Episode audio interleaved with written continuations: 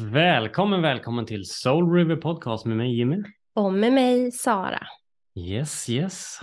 Denna sommardag, hur mår du idag? Eh, jättebra faktiskt. Det är lite så här pollentrött men annars är det jättebra. Hur mår du? Mm, ja, men det är ungefär samma. Mm. Eh, extremt trött är jag. Ja, Men du pratar om sån här Schumann-resonansen, att det är någonting med det. Så jag Ja. vet inte. det är mycket konstig energi det är nu. mycket konstigt. Ja, jag vet inte. Men ja, ja den här veckan är jag trött. Men jag Mm. mår bra annars. Det är bara att hålla sig flytande. Det är bara att hålla sig flytande, Mm. precis. Mm. Men alltså jag är så taggad på dagens avsnitt.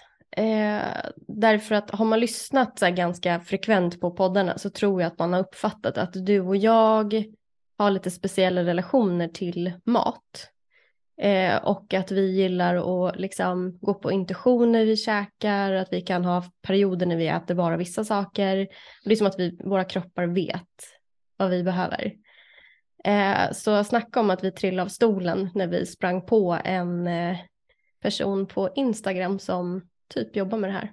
Mm, ja, det var fullträff. Det var verkligen en fullträff. Det var så här, existerar det här? Det här är ju så coolt. ja, Ehm, faktiskt. Så vill du eh, presentera dagens gäst? Jajamän, välkommen Anna Nilsson från Honestly Healthy. Tack! Kul att ha dig här. Ja, jätteroligt att få vara här.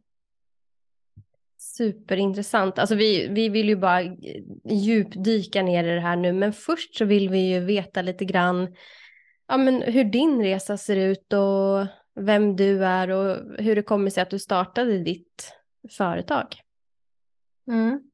Absolut. Om någon hade frågat mig för fem år sedan, eller om någon hade sagt till mig för fem år sedan, ja Anna, om fem år kommer du bo i Stockholm, du kommer ha två söner som har dubbelnamn och du kommer hjälpa folk med känsloätande och intuitivt ätande, då hade jag sagt nej, kommer aldrig att hända.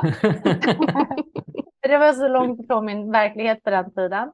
Ehm, jag ser det lite som att jag har två olika liv. Ehm, men om man säger så, jag har alltid älskat hälsa, varit jätteintresserad av hälsa och eh, varit väldigt mån om min hälsa. Och det började redan när jag var jätteliten. Alltså jag har minnen från eh, låg mellanstadiet där jag brydde mig om vad jag åt för någonting. Och det är väl inte hälsosamt så, men bara intresset av att, eller bara själva medvetenheten kring det jag äter kan förändra min kropp eh, började skapas där. Eh, och eh, sen så eh, har den väl inte varit så jättehälsosam. Och eh, av massa olika anledningar som jag kan berätta om. Men sen så hände någonting för fem år sedan, eh, eller fyra år sedan. Eh, och Eh, det var att min eh, pappa dog väldigt, väldigt plötsligt. Det var på tre veckor. Och det var direkt efter att jag hade eh, sålt ett företag som var mitt masterpiece i London där jag bodde. Jag hade bott där i 13 år. Och eh, då insåg jag att jag behövde göra en förändring kring min hälsa. Eh, och då började jag egentligen mest, eh, alltså jag gjorde ju en jätteinre resa med mig själv. Ehm, och eh, jag eh, läkte den här extremt knepiga relationen jag hade haft kring mat sen jag då gick någonstans på lågmellanstadiet. Eh, och eh, samtidigt så pluggade jag jättemycket kring hälsa. Jag läste jättemånga olika typer av utbildningar. Men det var faktiskt när jag läste en utbildning i mer funktionsmedicin som jag insåg att det här känns jättefel av mig att jobba med för att det spelar liksom ingen roll riktigt hur mycket jag kan lära folk om, om hormoner om inte människor först får lära sig hur vi ska äta och varför vi äter. Um, och det var då jag bestämde mig för att uh, läsa mer om intuitivt ätande och uh, känsloätande. Men får jag fråga, alltså du beskriver ju att du hade lite så här speciell relation till mat där då. Vad, vad, vad handlade det om? Um, Um, ja, nej men absolut. Uh, vi hade en jätteknepig relation till mat i vårt hem. Um, För att uh, jag, var, jag var smal, så det var, hade inte någonting med mig att göra. Men min lilla syster var till exempel klassad som överviktig. Uh, och det blev ju väldigt mycket prat i vår familj kring vad vi fick äta, vad vi inte fick äta. Och väldigt mycket, Ehm, jag tror min mamma kände sig väldigt pressad kring mat för min lilla syster för att inte hon skulle bli utfryst och mobbad eh, som det var på den tiden. Och eh, min mamma hade en dålig relation till sin kropp också i ärlighetens namn. Ehm, och så det var liksom hela tiden det här snacket kring att ja, men, äter du, dricker du Funlight kan du dricka hur mycket Funlight du vill, men dricker du vanlig saft så kan du inte dricka mer än typ ett litet glas. Eller så får du knappt ett glas för att det kan inte den och den äta eller det kan inte jag äta för då får jag en tjock mage. Eller jag kan inte ha den här klänningen för då jag har så stor mage, men det kan du ha Anna. Och sen så samtidigt så var det också så att vi hade kompisar som började säga så men Anna, jag kan, eh, jag kan lära dig hur man eh, inte äter smör. Och du kan lära mig hur man äter smör, för jag behöver bli tjockare. Och eh, då kan du bli lite smalare. Eh, och eh, det, var, alltså det här var någon gång på mellanstadiet, det var liksom redan då, på den, och det här är på tidigt 80-tal, så var det liksom det här snacket mellan tjejer, att man började kommentera på varandras kroppar. Det var mycket så här, Anna, ja, du har ju din du har ju din mage, du har ju fortfarande babyhullet kvar på din mage. Um, det är därför inte du har lika platt mage som alla andra. Så det började sätta jättemycket hjärnspöken hos den såklart. Och sen så min underbara mamma som inte visste vad hon gjorde när hon sa att hon hade stor mage. Eh, och det var där det började liksom triggas igång med att ah, nej, men, eh, jag är tjock. Man är inte lika bra om man är tjock för att eh, då kan man bli mobbad. Ehm, eller då är man inte lika mycket värd som alla andra. Ehm, och eh, jag hade också extremt mycket stress när jag växte upp. Ehm, um, det hade väldigt mycket, det var, jag levde i en väldigt, det var väldigt mycket stress i mitt hem. Eh, och eh, det gjorde att jag utvecklade ett enormt, eh, enorma IBS-besvär. Som gjorde att jag någon gång på mellan, högstadiet, nej förlåt, eh, mellan, någonstans där på mellanstadiet så började det blomma upp och det var att jag kunde se ut som att jag var sex månaders gravid eh, av att jag inte hade ätit någonting. Eh, och det här utvecklades till bulimi. För att eh, det enda som hjälpte var att jag typ kräktes.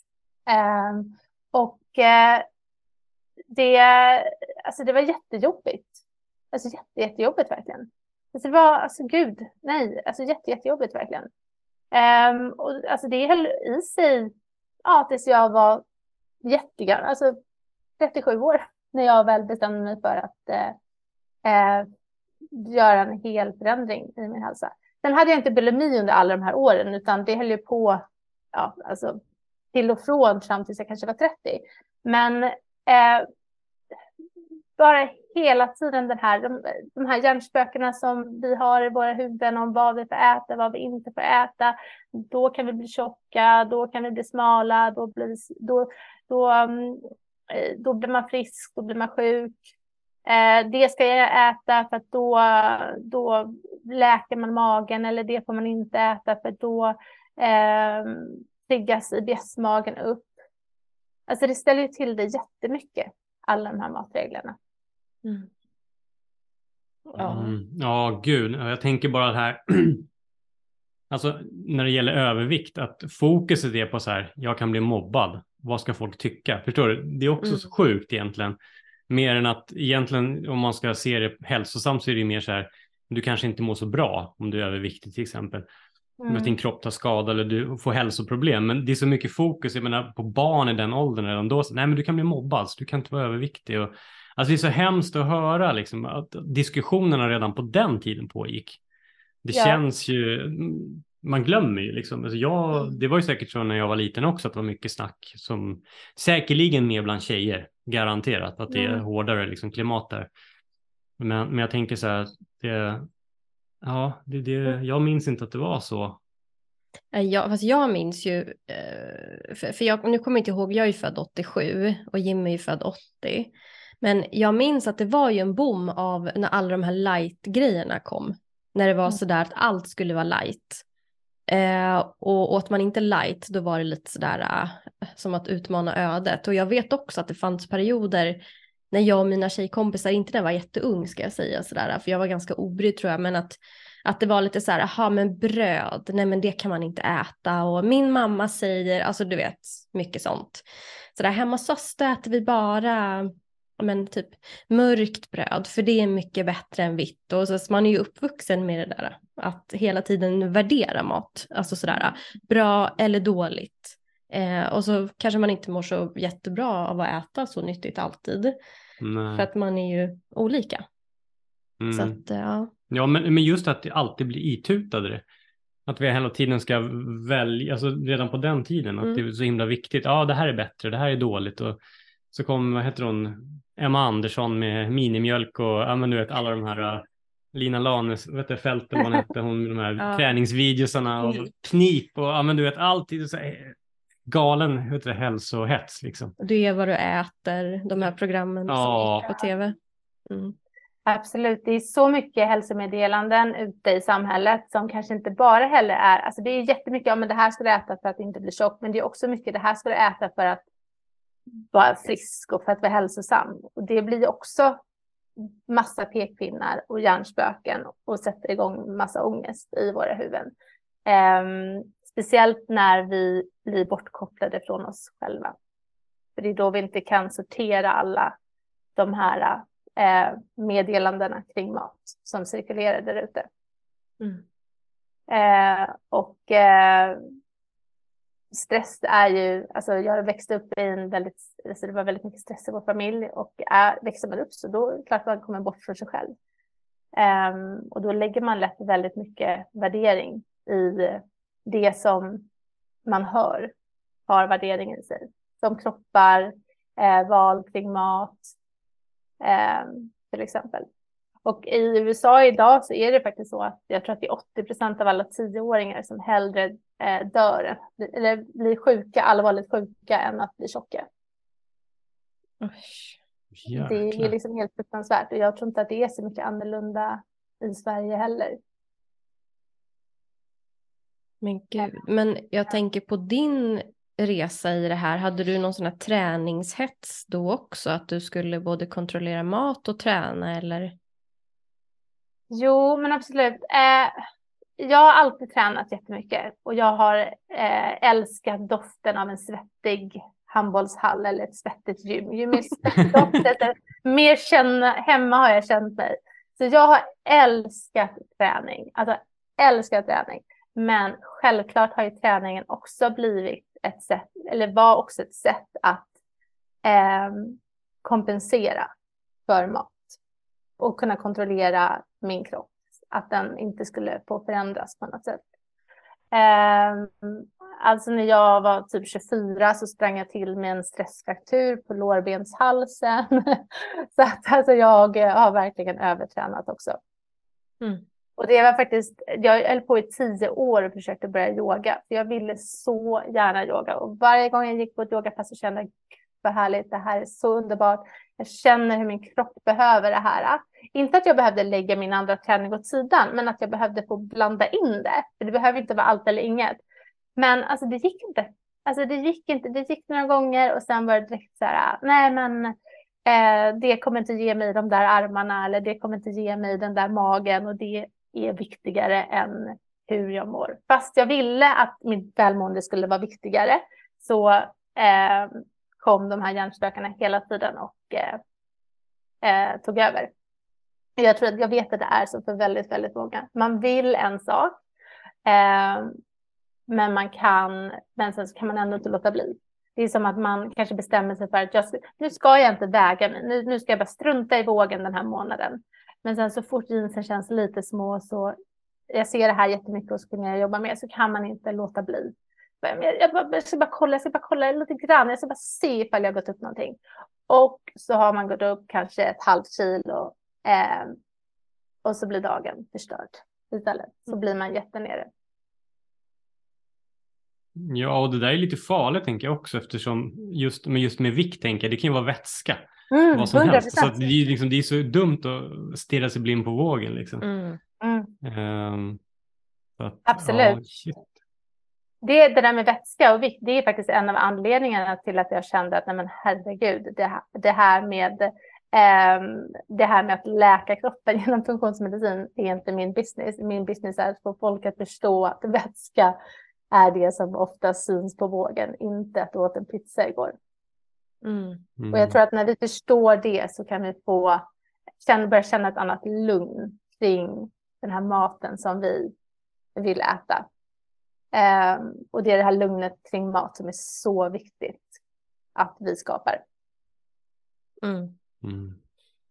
Men jag tänker då, för du beskriver ju att det var ett par år sedan då som du gjorde en förändring som jag förstod mm. det. Ja, precis. Eh, höll den här um, liksom hetsen då kring mat, höll den i sig ända fram tills dess då? Eh, ja, ja.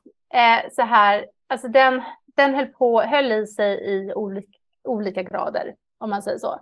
Ehm, så jag ska säga att sista tio åren så hade jag två styckna idéer i mitt huvud. Ena idén var att eh, bara vara den här superhälsosamma, balanserade Anna som kunde äta godis och som kunde äta pizza och som kunde yoga och som hittade tid till att meditera och som gick och kunde gå och göra tittpass och som kunde äta en härlig god sallad.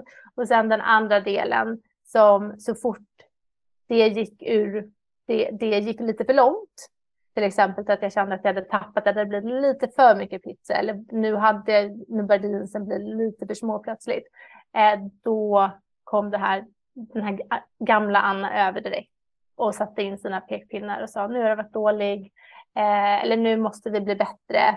Nu får vi ta och eh, bli lite striktare igen. Nu måste jag träna lite mer. Nu, nu kanske jag ska börja räkna kalorier igen.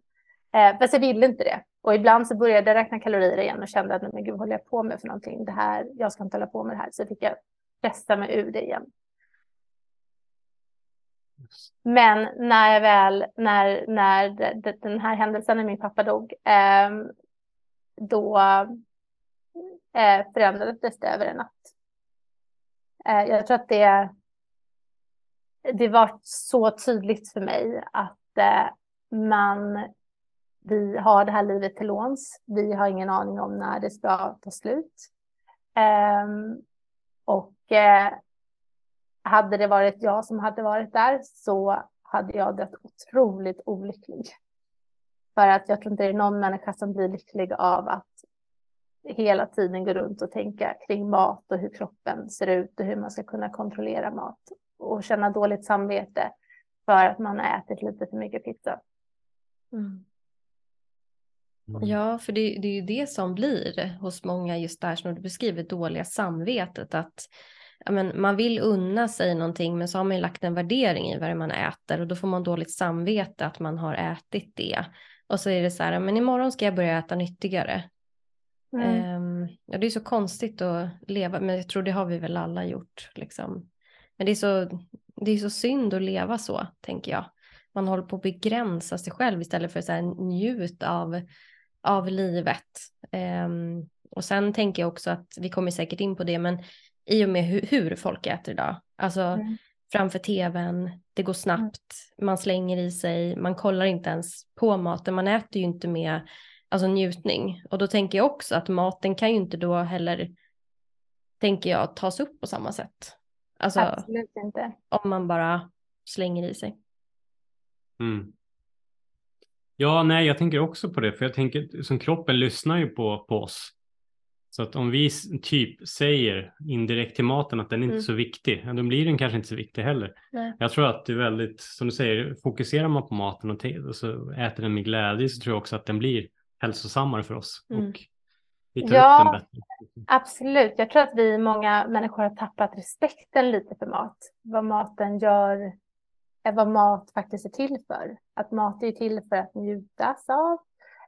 Um, Mat är ju till för att ge oss näring. Det är tack vare maten vi ens kan leva här.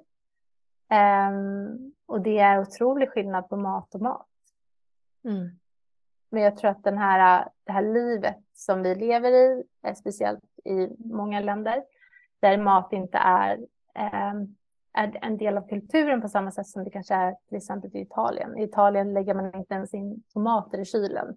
Så då förstör man tomaterna och då kan man lika gärna kasta dem. Men, men eh, jag tror att vi, eh, eh, vi, vi, vi har liksom kommit bort från det. Mm.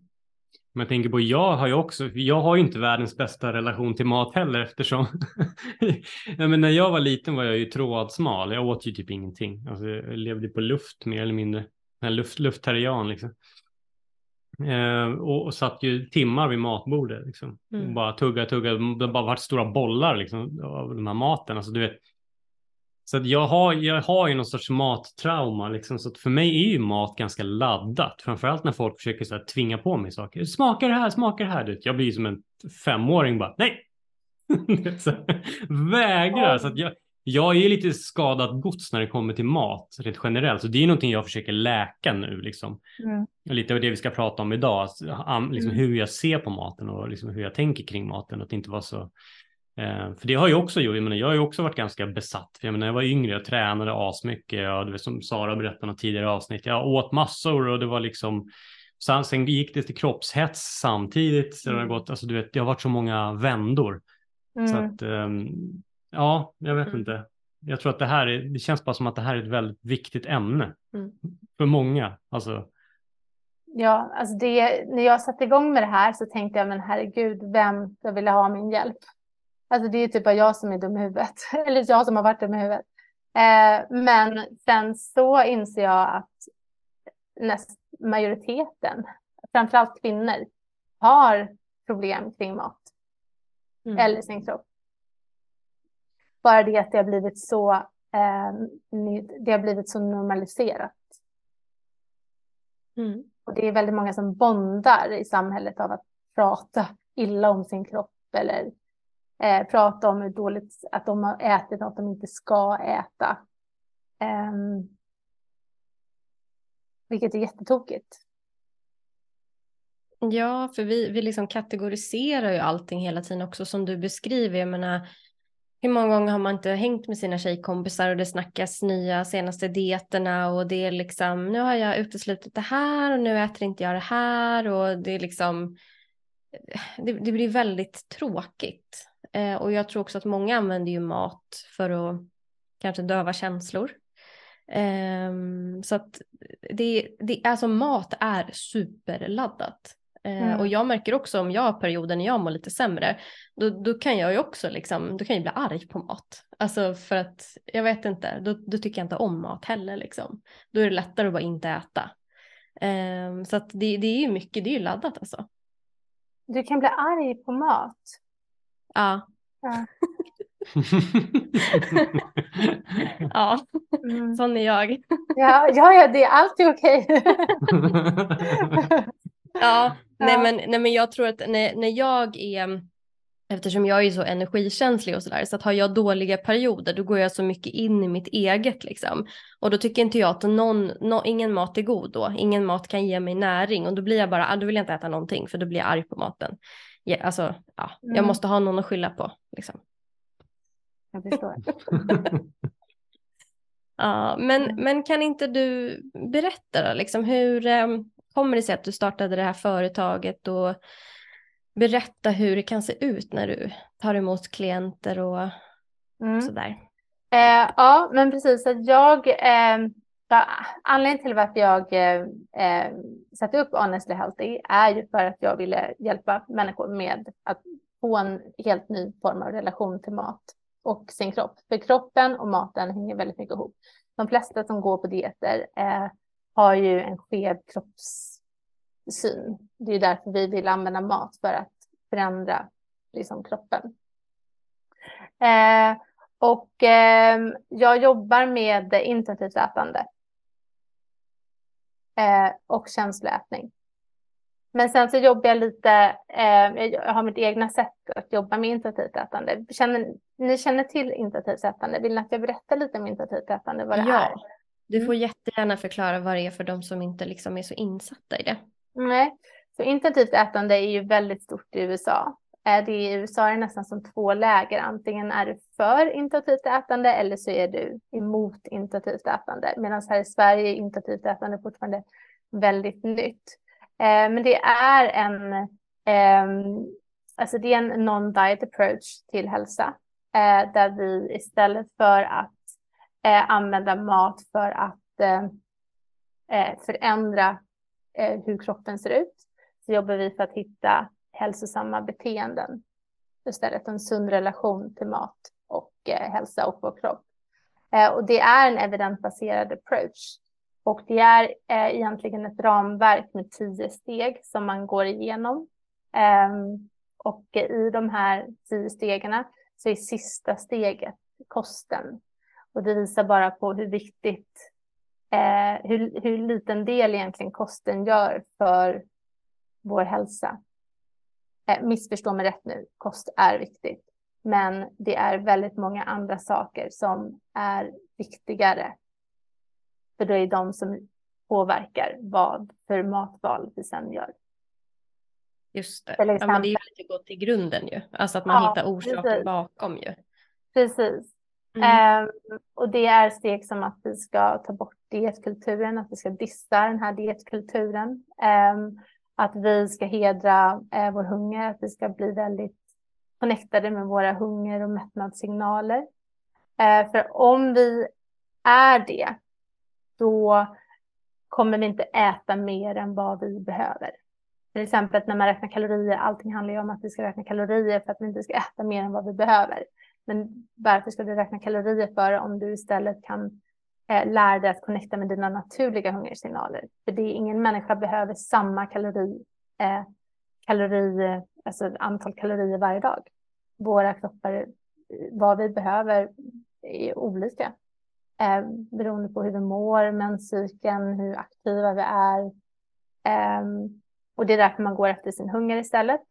Eh, och sen så att vi ehm, neutralisera mat, så vi tar bort den här moralen kring mat. För att om vi neutraliserar mat, eh, om mat är neutralt, då kan du inte få dåligt samvete för vad du har ätit för någonting. För då kan du göra att du gör bara ett aktivt val, mat är bara mat. Sen kan viss mat vara optimal och viss mat kan vara mindre optimal, såklart. Eh, på samma sätt som att en kniv är bara en kniv. För vissa annars fall kanske det är ett vapen och för andra kanske det är att man skär grönsaker med. Men en kniv är bara en kniv och sen kan vissa knivar vara vassare och vissa knivar kan vara slöare att skära med till exempel. Eh, förstår ni hur jag menar? Eh, mm. sen så eh, är det att vi ska eh, hantera vår inre matpolis. Och det är att vi har ju alla, jag kallar det för en inner eater. Eh, och det är den här rösten som jag pratade om att jag eh, hade så mycket problem med den här rösten som hela tiden säger till oss att ja, men, eh, eh äpplen är nyttigt, godis är onyttigt eller ekologiskt är bra, icke-ekologiskt är dåligt. Eller jag ska äta eh, fem mål om dagen eller jag ska bara äta två mål om dagen eller jag får inte äta efter klockan sju på kvällen för jag ska fasta. Det hela den, det, alla de här tankarna Ehm, är eh, kallas för matpolisen, vår inre matpolis och de behöver vi lära oss att hantera så vi kan börja tysta dem. Så att vi istället för att ta beslut kring mat baserat på de här reglerna så kan vi börja ta beslut baserat på vår kropp eh, och våra egna värderingar ehm, och eh, våra egna smaklökar, vad vi tycker är gott och vad vår kropp mår bra utav. Um, och sen så, um, nu måste jag tänka här, alla stegen vi har gått upp. Och sen så uh, handlar det om att vi behöver lära oss hantera vårt känsloätande såklart, för att vi är känsloäter. Uh, ehm, natur, alltså det är naturligt för människor att känsloäta. Vi har lärt oss känsloäta när vi föddes i stort sett. Um, och det handlar inte om att vi behöver bli av med vårt känsloätande, men det handlar om att vi behöver kanske lära oss hantera det för att om vi gör det så kommer vi inte heller hålla på att överäta på samma sätt som jag tror att många människor gör idag. Och det är det här överätandet som ofta gör att människor känner sig eh, okontrollerade kring mat och som kickar igång det här allt eller inget-tänket eller som kickar igång att vi ska gå på någon ny diet nästa månad eller eh, att vi ska dra in på kalorier nästa dag för att vi åt ja, lite för mycket, för att vi åt lite för mycket känslor eh, ena dagen. Eh, och sen så handlar det om att vi ska respektera vår kropp. Eh, att, och det handlar inte om att vi behöver älska vår kropp. Det är människor som har haft en dålig body image kommer inte gå från att ha en dålig body image till att plötsligt älska sin kropp på en dag. Men det handlar om att vi i alla fall behöver lära oss att respektera den och acceptera den som den är. Och sen därifrån kan vi lära oss förhoppningsvis att börja älska kroppen. Eh, och eh, att vi kan börja använda rörelse eh, som glädje istället för igen, att, som jag gjorde, klicka mot kroppen. Jag hade mått mycket bättre om jag hade blandat min, min högintensiva träning med yoga. Det var ju det min kropp behövde. Min kropp mådde så bra efter att jag hade gjort det. Um, och den sista steget det är att vi ska välja kost efter um, hur vi kan i engelskan så heter det gentle nutrition. Det, allt det här är på engelska och det är inte så lätt alltid att hitta bra översättningar till svenskan. Så det kan låta ganska tråkigt eller konstigt på svenska. Men sista steget är gentle nutrition. Det handlar om att vi ger vår kropp näring, men vi är inte extrema på något sätt, utan vi ger kroppen den näring den behöver. Och ibland kan det faktiskt vara så att kroppen behöver näring i form av en kanelbulle. För det kanske är det som vi mår bra av eh, emotionellt just då. Så allt behöver inte alltid handla om att vi ska ge kroppen näring för vad den fysiskt behöver, utan även den mentala biten. Ja, men det, här det är, det är så det... Ja, förlåt. Ja, nej, jag ska bara säga att det är så intressant det här du säger för att just när du sa det här att man inte ska äta efter klockan sju. För det här är ju någonting som jag håller på med. Mm, jag, jag hörde det en gång. Ehm, ja, och det, alltså det, det gör ju, jag, jag sover ju bättre när jag inte äter efter klockan sju. Men det jag har märkt, det är att jag, jag har börjat gjort det till en grej som inte är så bra. För att då kan det vara så här att ja men säg att det är helg då, så kanske jag och min sambo sitter uppe, så kanske jag vill käka lite vindruvor och klockan är åtta. Då blir jag så här, nej, nej men det kan jag ju inte göra, klockan är åtta och han är så här, men vadå, det är väl bara att äta. Ja men det är ju efter sju och då har jag ju liksom lagt en värdering där. Så att det håller jag på att försöka så här, men så där vill jag inte hålla på. Alltså det, det känns inte bra, så det var bra att du tog upp det. Alltså just det här. Nej. Mm. Det där är definitivt en matregel. Eh, det är många matregler som från början är för att vi ska främja vår hälsa. Eh, för självklart, äter du det, du sover bättre om du inte äter tre timmar innan du ska sova. Så är det. Eh, men eh, det är så lätt att vi börjar lägga den där värderingen där i. Och så fort vi börjar lägga värderingen, det är då vi får dåligt samvete. Mm. Skulle du inte ha en värdering i det, då skulle du inte känna dig triggad kring det. Nej, men det, för, för det, jag tänker, jag kan jämföra med, jag går en kurs nu med Gabor Maté om trauma. Mm. Och det han säger, det är ju liksom, det är inte händelsen, alltså det, det, är känslan du får kring det som händer dig. Hur du känner i det, liksom den stunden, det är traumat. Det är inte händelsen om du är sexuellt utnyttjad till exempel, det är inte det som är traumat, utan det är känslan du får kring det. Förstår du? Och, då tänker jag, det är ju samma med mat. Mm. Om du får en känsla kring, gud vad jag är dålig som har ätit den här godispåsen. Det blir ju som ett trauma i din kropp egentligen. Over ja. and over again. Nej, du slår på dig själv, shit vad dålig jag är. Mm. Det slog mig nu att det blir jättetydligt. Men det är så bra att du säger det, för det är det här som är problemet med de här matreglerna och den här stressen, eller den här dieterna. För när jag säger dieter, då menar inte jag Viktväktarna. Då menar jag även att nu ska vi äta paleo eller nu ska jag äta keto eller nu ska jag äta raw food. Eh, för att det blir en kronisk inre stress som, som, som sätter sig som energi i vår kropp. Och har vi den kroniska stressen, att vi går med den, alltså många, alltså jag har gick med det här länge, men jag jobbar med kvinnor som har gått med det här i 40 år. Alltså hela tiden. eh, det, det påverkar vår ehm, eh, matsmältning. Vi kan inte ta upp, vi kan inte bryta, vi kan inte smälta maten, vi kan inte ta upp näringen i maten på samma sätt som vi skulle göra ifall vi hade, ifall vi inte gick runt med den stressen. Eh, vi eh, försämrar vår ämnesomsättning, vi försämrar vår förmåga att bygga muskler, vi försämrar vår eh, naturliga aptit, alltså reglering av aptiten. Och det är egentligen allt det här som vi stressar kring. För det, alltså det, det, det, det är allt det här vi vill förbättra. Det är därför vi eh, har de här äh, matreglerna. Så det är därför det är så viktigt att de, att de här känslorna, att du tar bort de här känslorna som du beskrev som ett exempel kring mat. För det, det skapar så mycket, eh, vad ska man säga, jag ska inte säga trauma, men alltså det skapar jättemycket inre stress Mm. eh, kring mat. Och ja, jag vet faktiskt folk som har blivit traumatiserade eh, av sådana här matregler också. Sen kanske det har varit extremt, men det har satt extrema spår. Mm. Mm. Om jag tänker på, både jag och Sara har ju på sistone blivit väldigt så att vi har ju som vi sa gått intuitivt. Det är väl lite det du pratar om. Att mm. Vi har ju varit så här, nej men idag är vi sugna på det här. Ibland är det så här, idag äter jag vattenmelon och så kan det vara någon dag så här, jag kan ju också få så här cravings, bara idag måste jag ha någon, du vet, typ, alltså riktigt så här flottig pommestallrik med, för att jag, min kropp bara skriker, den är så här, jag behöver grunda mig. Du vet, den, jag känner hela kroppen, så shit vad jag behöver bara boom, landa. Och sen kan det vara tre dagar den bara vill ha något lätt.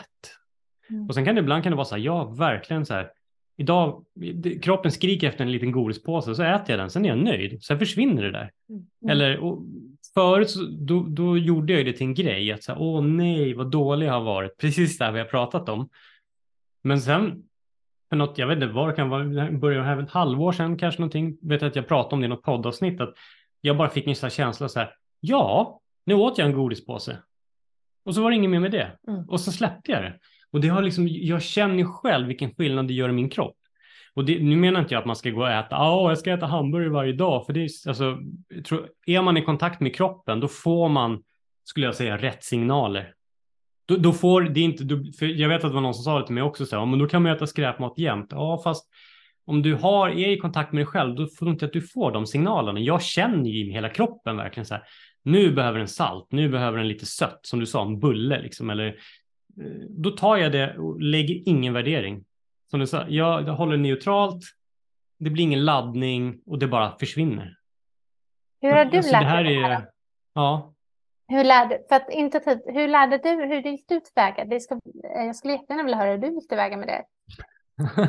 jag, jag vet inte, det är det. Jag tror bara att jag lyssnar så mycket inåt. Jag har alltid gjort det. Det är nog det. Jag har gjort så. Mm. Det är nog ett livslärande skulle jag säga. Jag var lite som du. Jag var intresserad av hälsa redan när jag var liten. Mm. Redan då höll jag på att läsa i tidningar och kolla så att jag har nog med mig det. Så att jag mm. vet inte, men det kanske började i samband med att jag började jobba med mig själv, meditera, komma i mer kontakt med mig själv, min kropp liksom på ett annat sätt.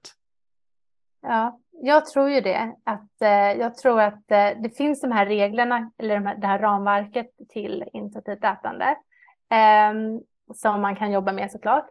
Men egentligen så bara av att jobba med sig själv och verkligen komma i kontakt med sig själv och lugna sitt nervsystem eh,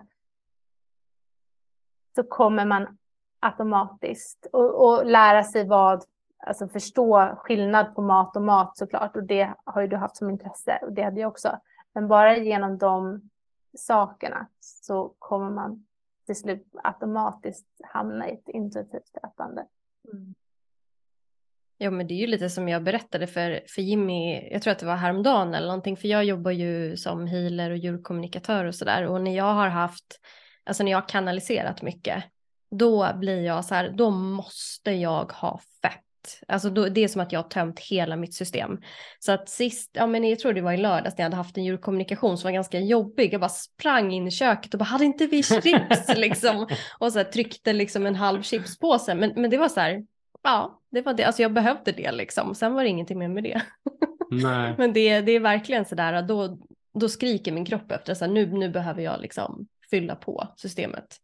Eh, och sen idag hade jag någon sån här dag, jag bara gurka. Så jag har bara hållit på att trycka gurka hela dagen, jag har ingen aning. Men... så att eh, ja, så jag försöker ju också sluta värdera liksom. Mm. Och bara så här gå Men på. det är svårt. Mm. Det är en process också. Mm. Ja, men verkligen. Ehm, och speciellt också på sommaren tycker jag. Ehm, alltså för att det, det kommer den här tiden, liksom kroppen. man ser ju det överallt i alla tidningar och nu ät så här för att få den perfekta kroppen till eh, sommaren och, ja, men sådär. Så att, och det är klart att man, man ser ju allt det där. Det går ju inte att, att låta bli och ändå tänka så här, ah, hur ser min mage ut? Är den så platt? Nej, det var den ju inte. Hä? Okej, nej, då får, får vi dra in lite här på pastan. Jag älskar ju pasta. Liksom. Alltså, det är jag också. Jäkla Pasta. Eh, Men och pasta kan ju vara jätte, det behöver, alltså på Sardinien lever de längst i världen. De äter ju pasta, så pasta behöver inte vara någonting farligt för kroppen heller. Eh, beroende på hur vi äter pasta, mm. tänker jag. Men det du säger, det är det som gör att folk hamnar i den här eh, att, de, att det är så himla svårt att bara bryta sig loss och eh, börja ta kontrollen över de här eh, hjärnspökena kring mat. De här, den här eh, matpolisen som den heter. Jag kallar det för inner eater, men det heter matpolisen. Mm.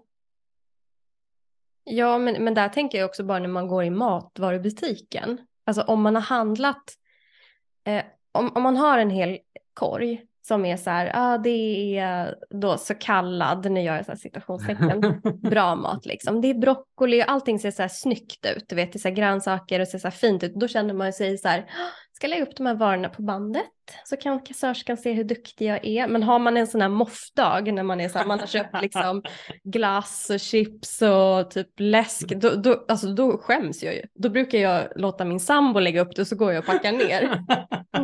Vad roligt att du säger. Jag kan känna exakt likadant. Vet du det, ibland när jag går så här zucchini, du vet, och så är det så jävla mycket vegogrejer. Och, du vet, Ja. och jag, jag nästan så sträcker på mig när jag ska lägga upp det på bandet. Bara, Ja. Jajamän, här är någon som bryr sig om sin hälsa. Och som du säger så har jag någon dag när jag bara, det, jag bara vänta nu, vad är det här? Liksom, det känns som att jag handlat till någon så här kollo liksom med barn. Alltså du jag bara skäms ju. Så vad håller jag på med? Men det, så där ligger det en laddning. Ja, ja, det, ja. det är helt så här. Och då är det ju också utåt. Vad ska Ja. andra tänka om mig? Så det Ja. ligger ju också en värdering i det liksom. Exakt. Jäkla dåligt alltså. Men det är ju också de här klassiska, eh, i alla fall förr, eller så här, typiska amerikanska filmer också. Så här, eh, ett par går på dejt. Tjejen, nej, men hon ska ta en liten sallad bara. Och han sitter och vräker i sig någonting. Så redan där har vi ju värdering i vad som är bra och dåligt. Absolut. Mm. Mm. Mm. Alltså jag tror att filmer och serier påverkar verkligen vårt ätande. Eh, så fort en tjej är dumpad så sitter hon typ alltid i soffan och äter glass. Ja. Det Jag vill äta glass ändå. Ja. Ja, ja, absolut. Men det, det blir så. Mm. Det är framtidens film. Tänk vad lycklig hon är som sitter där och äter glass. Liksom. Mm. Mm. Mm. Och bra mår de verkligen. Mm. Mm. Vad är hemligheten? Men Anna, jag tänkte på det här med, alltså om man eh, har något så här, eh, kan vi hitta på något case? Alltså jag tänker om, om det kommer någon, säg en kvinna då, till dig Mm. i typ medelåldern som, eh, som har ett en komplicerad relation kring mat, som Mm. kanske eh, ja, men har testat massa olika dieter och som i perioder då när hon kanske är ledsen så att säga överäter och sen får dåligt samvete och hoppar på massa dieter och sådär. Hur, liksom, hur, hur börjar du då? Vad tittar du på? Hur hjälper du till? Eh, så jag jobbar i tre med tre olika delar. Eh, så den första delen jag jobbar med det är, eh, det är den här inner iten som vi har. Eh, och då jobbar vi med att neutralisera mat, alla tankar vi har kring mat, vart de här tankarna kommer ifrån. Eh, och det kan vara ganska svårt att, det, det är sällan någon kommer till mig och säger, ah, nej men jag tänker så här om mat och det är på grund av det här och det här och det här och det här. Utan det är ofta saker som eh, kommer längre eh, liksom bak i tiden som vi har förträngt eller glömt bort eller inte, eller inte kopplat ihop till mat. Eh, och eh, sen så jobbar jag med eh, body image. Ehm, och där jobbar jag med att vi lär oss att kliva in i vår kropp. Det bästa sättet eh, att stärka vår body image är att vara i kroppen. Så att vi kommer ut från huvudet och all matematik som är i huvudet. Eh, och sen så jobbar jag med kosten. För jag tror ändå att det är väldigt många som känner sig så förvirrade kring kostregler. Så att även om man ska lära sig lyssna in i sin kropp och som ni har väldigt stark intention för vad ni vill ha. Eh, men Eh, det jag ser hos människor det är att de, vill, de behöver få någon form av struktur. Så att de får klarhet kring, okej, okay, så här bygger man en tallrik. Eller så här kan man bygga en tallrik. Och sen kan man lära sig att justera det efter hur man känner att ens kropp reagerar på det man äter. Vissa människor kanske mår bra av att äta tre mål om dagen. Vissa kanske behöver äta fem mål om dagen. Det får man välja lite själv. Eh, och då eh, som första steg så eh, behöver vi börja titta på, okej, okay, varför äter du? Eh, vad, eh, vad är det för situationer du äter i? Ehm, eh, hur äter du? Äter du långsamt? Äter du mellansnabbt? Äter du eh, ehm, jättefort? Ehm, överäter du eller ehm, är det att du går runt och småäter? Eh, eller är det att du hittar dig själv i kylskåpet och står och slänger i dig mat? det, alla har ju så egna, alla har ju sin egna så här, food story. Eh, man kan ha jag tror att många som har en knepig relation till mat kan känna igen sig och relatera till andra. Men sen kanske deras problem är helt olika från varandra. I alla fall. Men jag tror att känslorna kring det är väldigt, är väldigt detsamma. Eh, många kanske tror att de känsloäter. Bara det att de, eh, de kanske inte känsloäter egentligen. De kanske är mer eh, känner sig okontrollerade kring mat för att de har de här matreglerna så att de har så mycket förbud som de, så att de trycker undan dem Eh, och sen inte kan kontrollera sig när de väl ger sig själva möjlighet, eller får möjligheten att äta det. Och så tror de att de har problem med känsloätande men de kanske egentligen inte har det. Eh, vissa kanske tror att de är okontrollerade kring mat men i själva verket faktiskt eh, hetsäter av någonting som hände när de var typ små. Eh, det är så olika. Det är därför man alltid måste börja med varför, eh, varför man äter. Mm. Men eh, du som ändå eh, jobbar med det här, skulle du säga om du bara gör ett snabbt överslag, eh, har det blivit värre med liksom hur vi äter och eh, att vi överäter eller äter för lite eller sådär jämfört med för några år sedan? Eller tycker du att det blir någon förbättring? Eh, alltså, jag tror, jag vet inte, alltså det kan jag inte riktigt svara på eftersom att jag bara jobbat med det här i fyra, fem år. Men det jag tror, det är att den här stressen som vi har i samhället gör att vi blir mer och mer disconnectade från oss själva. Och ju mer disconnectade vi är från oss själva, desto svårare blir det för oss att äta. För desto svårare blir det för oss att välja eh, mat som vår kropp mår bra utav. Alltså välja kvalitet. Vi känner kanske knappt skillnad på tomat och tomat eller pizza och pizza. Eh, vi slänger i oss maten för att vi äter on the go eller äter framför datan. Eller vi kanske knappt tar en paus eh, på jobbet eh, vi kanske inte tar vår lunch på jobbet för att vi vill kunna vara med våra barn på kvällen och eh, tar vi paus på jobbet då kommer vi inte hinna hämta från förskolan och då måste vi jobba på kvällen och det vill vi inte så då sitter vi och äter där.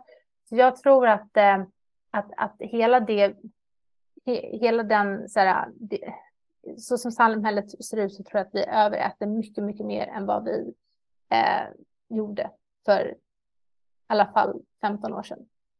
Mm. Eh, och jag tror att det här överätandet gör att folk eh, känner sig ganska så hopplösa kring mat och sin hälsa. Av, på olika sätt. Mm. skulle du säga också att vi är lite dåliga på att, att um, i och med att man inte stannar upp så mycket och, och känner in sådär att, att det är svårt att, att veta när man faktiskt är hungrig och när man är mätt? Absolut, gud ja. Eh, ja, du kan inte känna dina mättnadssignaler om du slänger dig i maten. Alltså det går inte för det tar så lång tid för hjärnan att registrera.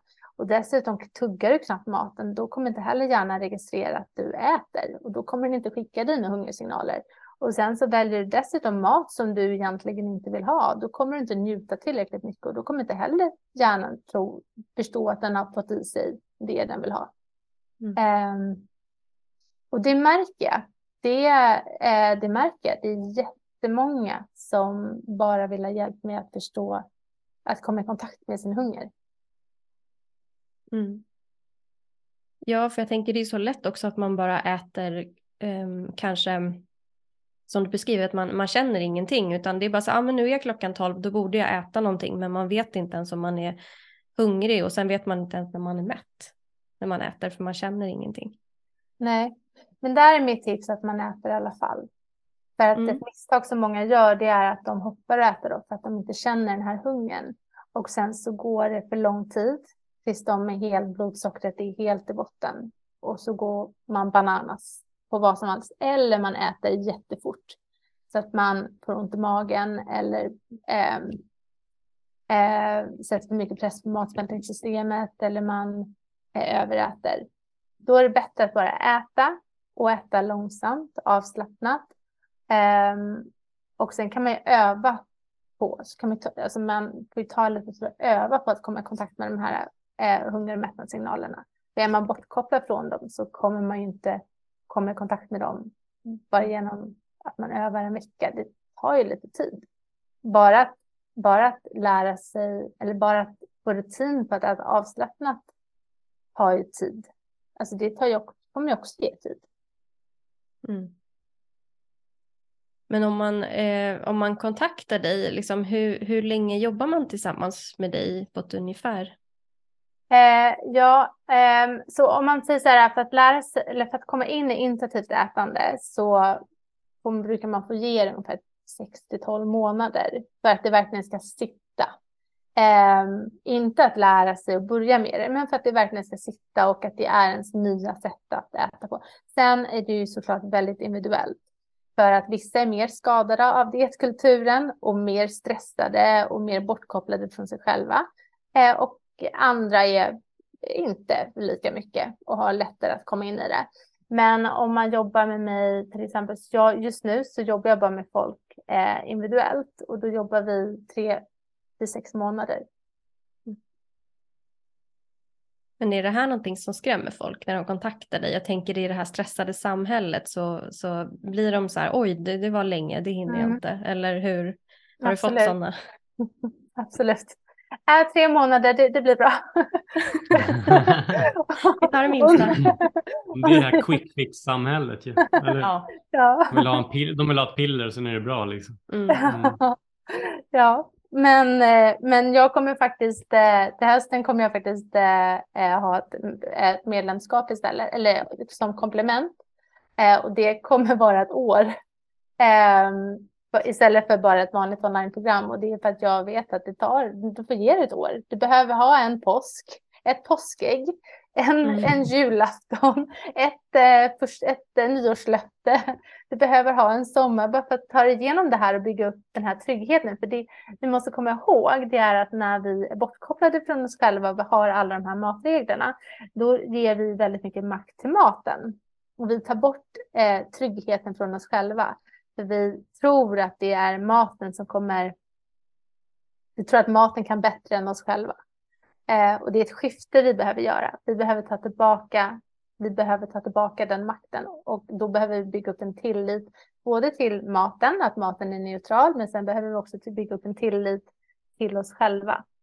Att vi faktiskt eh, kan lita på att vi gör bra val, att vi eh, kan lita på att våra värderingar kring hur vi kan äta är okej. Okay. Eh, och vi kanske behöver bygga upp andra saker också som gränssättning, att eh, ja, det, alltså det är jättemycket saker man behöver jobba med. Sen behöver inte alla göra det, men alltså nu går jag ju liksom all in på vad jag ser. Det här är det här är det här, men det behöver man inte göra såklart. Men lite grann kanske i alla fall behöver man jobba med det. Men, men det här tycker jag är jätteviktigt.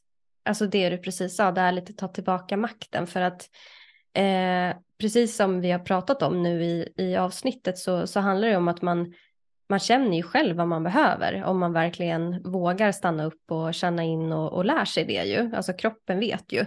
Men att vi har ju lagt över den makten på, på någonting annat, alltså som du säger kanske i maten eller på de här som ska skapa de här olika kostprogrammen eller dieterna eller sådär. Så att mm. som du säger, så att ta tillbaka den makten, det var ju superbra. Mm. Jo men alltså det är lite som, som med bankerna, vi, vi kryper för banken fast de jobbar ju för oss. Förstår du? Det är också ganska skevt. Det är lite, om man ska göra en sån här krass jämförelse så, så, så det är jättebra det du säger Sara. Det, det, är liksom, ja, nej, jag tycker också. Men sen är det så lätt också så att det, som du säger, allting är individuellt. Mm. Men ändå så, alla människor funkar olika, alla har olika behov, alla har olika, ändå så, så finns det alltid liksom de här kategorierna hur vi ska vara. Jag tror också, det är också en del av att lära känna sig själv och lyssna på sig själv, som du säger Anna. Mm. Att man behöver ta reda på vad är det jag behöver, vad mår jag bra, vad vill jag liksom. Mm. Det är ju nästan första steget ju, verkligen så här, att dra i bromsen. För att annars blir det här, då kommer din kompis bara, ja nej men det här, det här är asbra, så här ska du äta. Jaha, så kommer nästa, ja men det här är bra, så här ska du äta. Och det blir ju en jättestress. Istället för att så här, men vad, vad mår jag bra av faktiskt? Och, så då är det ju bra att ha dig kanske som en, liksom, mm. som en vägledare eller som en kapten på skeppet och bara så här, men guida dig fram, liksom, var, var, var börjar jag? Vart ska mm. jag segla någonstans? Liksom? Ja, alltså man, ja, det hjälper verkligen att ha någon eh, som kan eh, hålla en lite i handen och som kan vägleda den. För även med intuitivt ätande så kan det också vara det kan upplevas som att det är ganska mycket regler kring intuitivt ätande också.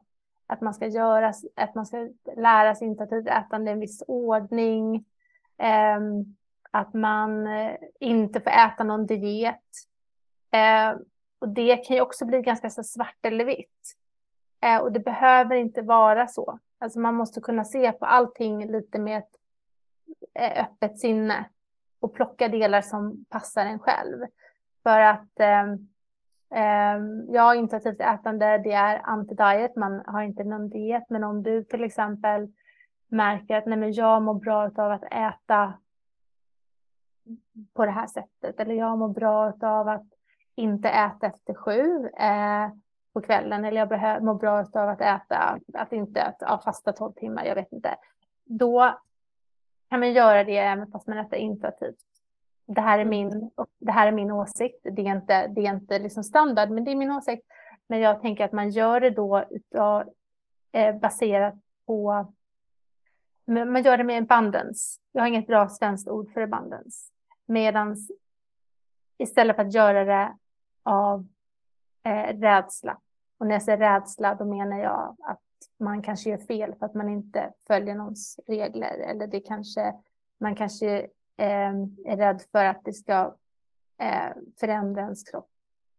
Förstår ni skillnaden mellan mm. att välja mat av rädsla eller bandens? Så att man mm. kan ju äta, jag bryr mig inte vad folk egentligen äter. Eh, men jag bryr mig varför de äter det de äter. Men, men det, det, har jag upplevt att det finns en väldigt stor så här, oro och rädsla kring att göra fel när det kommer till mat. Alltså så här, mm. precis som du säger, du känner, gör, gör vad du vill. Nej, men jag vill bara ha det här, men ät det då. Alltså lite så här, folk vill ha färdigpaketerade lösningar, för vi såg ett mm. inlägg där det var någon som frågade, hur mycket citron ska jag ha i citronvattnet? ja, men, ja, men alltså, du, du fattar på den nivån. Och vi, vi var så här, men, men va? Vänta nu, det är väl bara att squeeza ner citronen, förstår du? För jag och mm. Sara var så här, men vadå, varför, hur kan det ens vara en fråga? Men för den personen var det en fråga. Det var ja. ju ett seriöst, det var ett inlägg på ett forum liksom.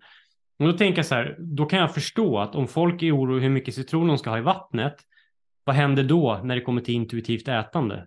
Mm. De kanske inte bara kan säga, nej men jag ska fasta lite, eh, nu ska jag göra det här. För mig känns det jättesimpelt, alltså simpelt, alltså så här, Mm. i, i mitt, mitt huvud, för mig. Men det kanske inte är det för någon annan. Och det är återigen, vi är olika. Så att jag tror att det är där man får inte glömma det liksom. Att bara för att jag tycker att det är enkelt att köra intuitivt ätande, eller enkelt, men det känns hyfsat simpelt. Liksom så. Mm. Det känns rätt. Det känns rätt, så kanske är rätt ord. Ja. Mm. Då betyder inte att det är jättelätt för någon annan eller att det kommer naturligt. Liksom. Ehm, Absolut. Det- Vi föddes med det naturligt, men det är inte naturligt för de flesta människor idag. Och det är egentligen ett ganska avancerat sätt att, ä- att plötsligt börja äta på. När man, om man har haft mycket matregler. När jag säger mycket matregler, till exempel är man osäker på hur mycket citron man ska ha i ett citronvatten, då har man ju matregler. Eller då har man ju tankar kring oro kring mat och man, eh, man tror att maten vet att det finns något vet bäst eller att det finns exakta sätt som man behöver göra det på. Mm. Eh, hängde ni med på vad jag sa där? Jag Mm. vet, ibland Mm. pratar jag lite osammanhängande. Eh, men eh, men det, det, är därför, det är därför det är så viktigt i intuitivt att man bygger upp en trygghet i sig själv. Mm. För har man inte den tryggheten då, då, alltså, då går det inte. Men, men det här tänker jag på också, jag är ju vegetarian. Mm. Eh, och, eh, och här har jag ju märkt många gånger att, att det finns en stor värdering i det om jag möter någon som inte är det. För för mig är det bara så här, jag, jag äter inte kött för att jag, jag, jag mår bra av att inte äta det helt enkelt. Alltså det är bara så här, det är egentligen inte av någon speciell anledning, jag, bara, jag mår jättebra så som jag äter. Eh, jag skulle nog, alltså skulle jag må dåligt så skulle jag börja äta kött igen. Alltså det är inget konstigt för mig så. Men men där märker jag att många blir lite provocerade av det, att jag inte äter kött och ska förklara då varför man ska äta kött och hur bra det är, för då har de ju också lagt en värdering i alltså så här, hur man äter. Liksom. Eh, och min sambos familj, de är från Brasilien, och där Mm. äter man ju kött kan man ju lugnt säga. liksom. Så att det är ju också sådär varenda gång, så ah, nej men det måste man göra för det här, det är inte bra att äta som du gör och du, du, du, du, liksom så här. men jag mår ju bra av det och ni mår bra av det där, så, så här, vad spelar det för roll? Men det är som att det ligger ju en värdering i allting hela tiden. Liksom. Hela Mm. tiden. Och det är det som är, även då människor som inte håller på med dieter har ju också värderingar kring mat och åsikter. Eh, och man vill ofta att, eh, man tycker att någonting funkar för en själv och då vill man gärna, då förstår man inte, väldigt, alltså det, det är lätt att inte förstå att andra inte skulle må lika bra av det. För det funkar för en själv. Och det gör mat väldigt komplicerat. Och då om man till exempel har provat att hålla på med diet eller börjat om med dieter under 10 år, 20 år, 30 år, 40 år, då kanske det inte blir så konstigt att man är orolig för hur mycket citron man ska lägga i det här citronvattnet. För man har misslyckats så många gånger och varje gång vi misslyckas så sänker vi vår egna självkänsla och självförtroende. Eh, och till slut så känner vi oss väldigt värdelösa och vi känner att vi inte klarar det på egen hand. Vi känner att det, någon annan måste göra det åt oss. Det är ju som i allt. Bara det att med det mesta andra så klarar vi det efter att vi har gjort några gånger. Men med mat så gör vi inte det. Mm. Mm. Och nu säger inte jag alla. Nu säger jag kanske den här gruppen som är typ hälften av befolkningen som håller på som, som, som försöker hela tiden nå sina hälsomål men som faller tillbaka. För att 95 procent av alla som går på dieter faller tillbaka. Mm. Mm. Och jag antar att typ hälften av människorna håller på med dieter. Mm. Mm. Ja, nej, men det, då är det inte så konstigt att det blir ju en kontroll och då, då förstår jag att man vill kontrollera in på mikronivå Mm. liksom. Alltså så att det blir citronvatten. Mm. Det är klart att då är det ju väldigt, väldigt mycket svårare att kanske nå dit man vill, tänker jag. Om det Ja. redan där börjar krångla redan där. Mm. Alltså, Ja. så, så att, jag fattar att det är kämpigt, alltså det, det är ju, det är, alla har vi våra obstacles liksom att Mm. komma över på olika sätt. Det, är, um, Men jag tänkte på det här, du nämnde ju IBS Mm. eh, i början där, vilket är ju jätte, jättevanligt idag. Mm. Eh, ha, har du märkt, går det liksom att, att lugna det genom att äta på det här sättet? Absolut. Eh, för att det är jättemycket magproblem som är skapat av stress. Eh, och eh, den här stressen försvinner ju. Mm. Så verkligen sen så eh, kan eh, Sen är det ju andra saker man kanske behöver göra ibland för IBS också, men för väldigt, väldigt många så, så är stress. Det finns ju eh, hypnos för stress eller för IBS som man kan göra. Det är jättemånga som blir av med sin IBS bara genom hypnos. Och då kan man göra samma sak genom att äta avslappnat och mm. eh, ta bort all stress kring mat. Mm. Mm. Sen tror jag också faktiskt så här att när vi äter intuitivt så lär vi känna vår kropp på ett eh, djupare sätt och vi känner av hur maten känns i kroppen. Och äter vi intuitivt eh, rätt eller, eller vad man nu ska säga, då väljer man mat baserat på hur vill jag må, hur vill jag må efter att jag ätit. Eh, och då kommer man kanske inte göra det här eh, valet att äta glass ifall man vet att man är laktosintolerant.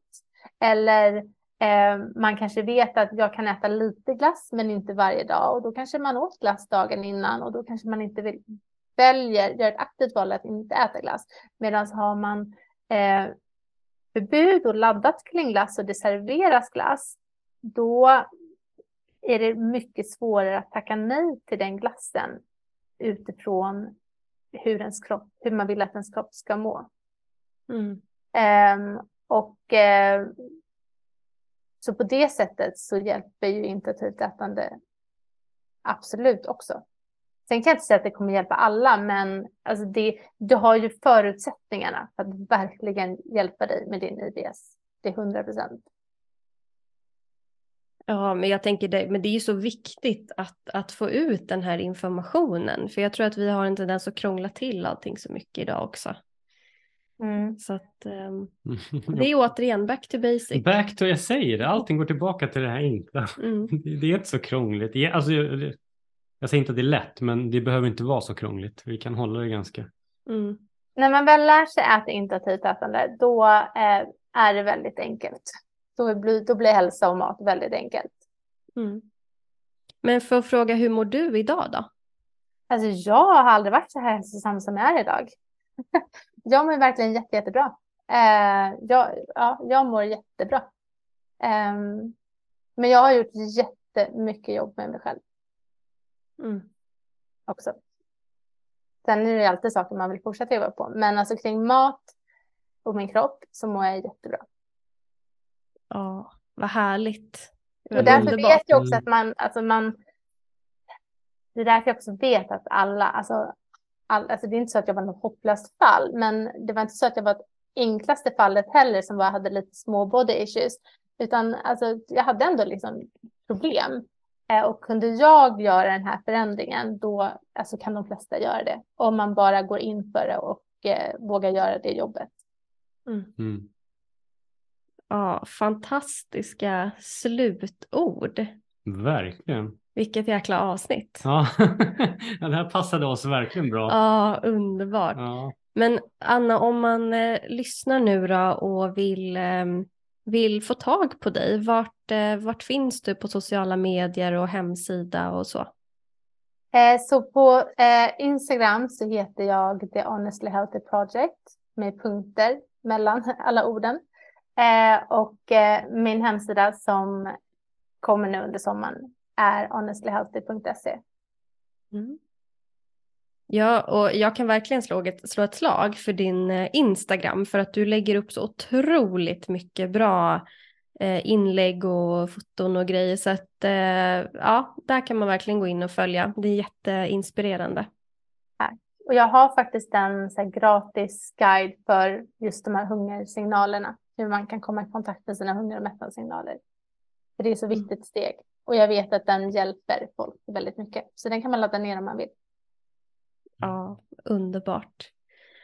Ja, nej men vi, eh, vi tackar så hjärtligt för, eh, för att du ville hänga med oss en timme och berätta om det här fantastiska. Mm. Tack för att jag fick vara med.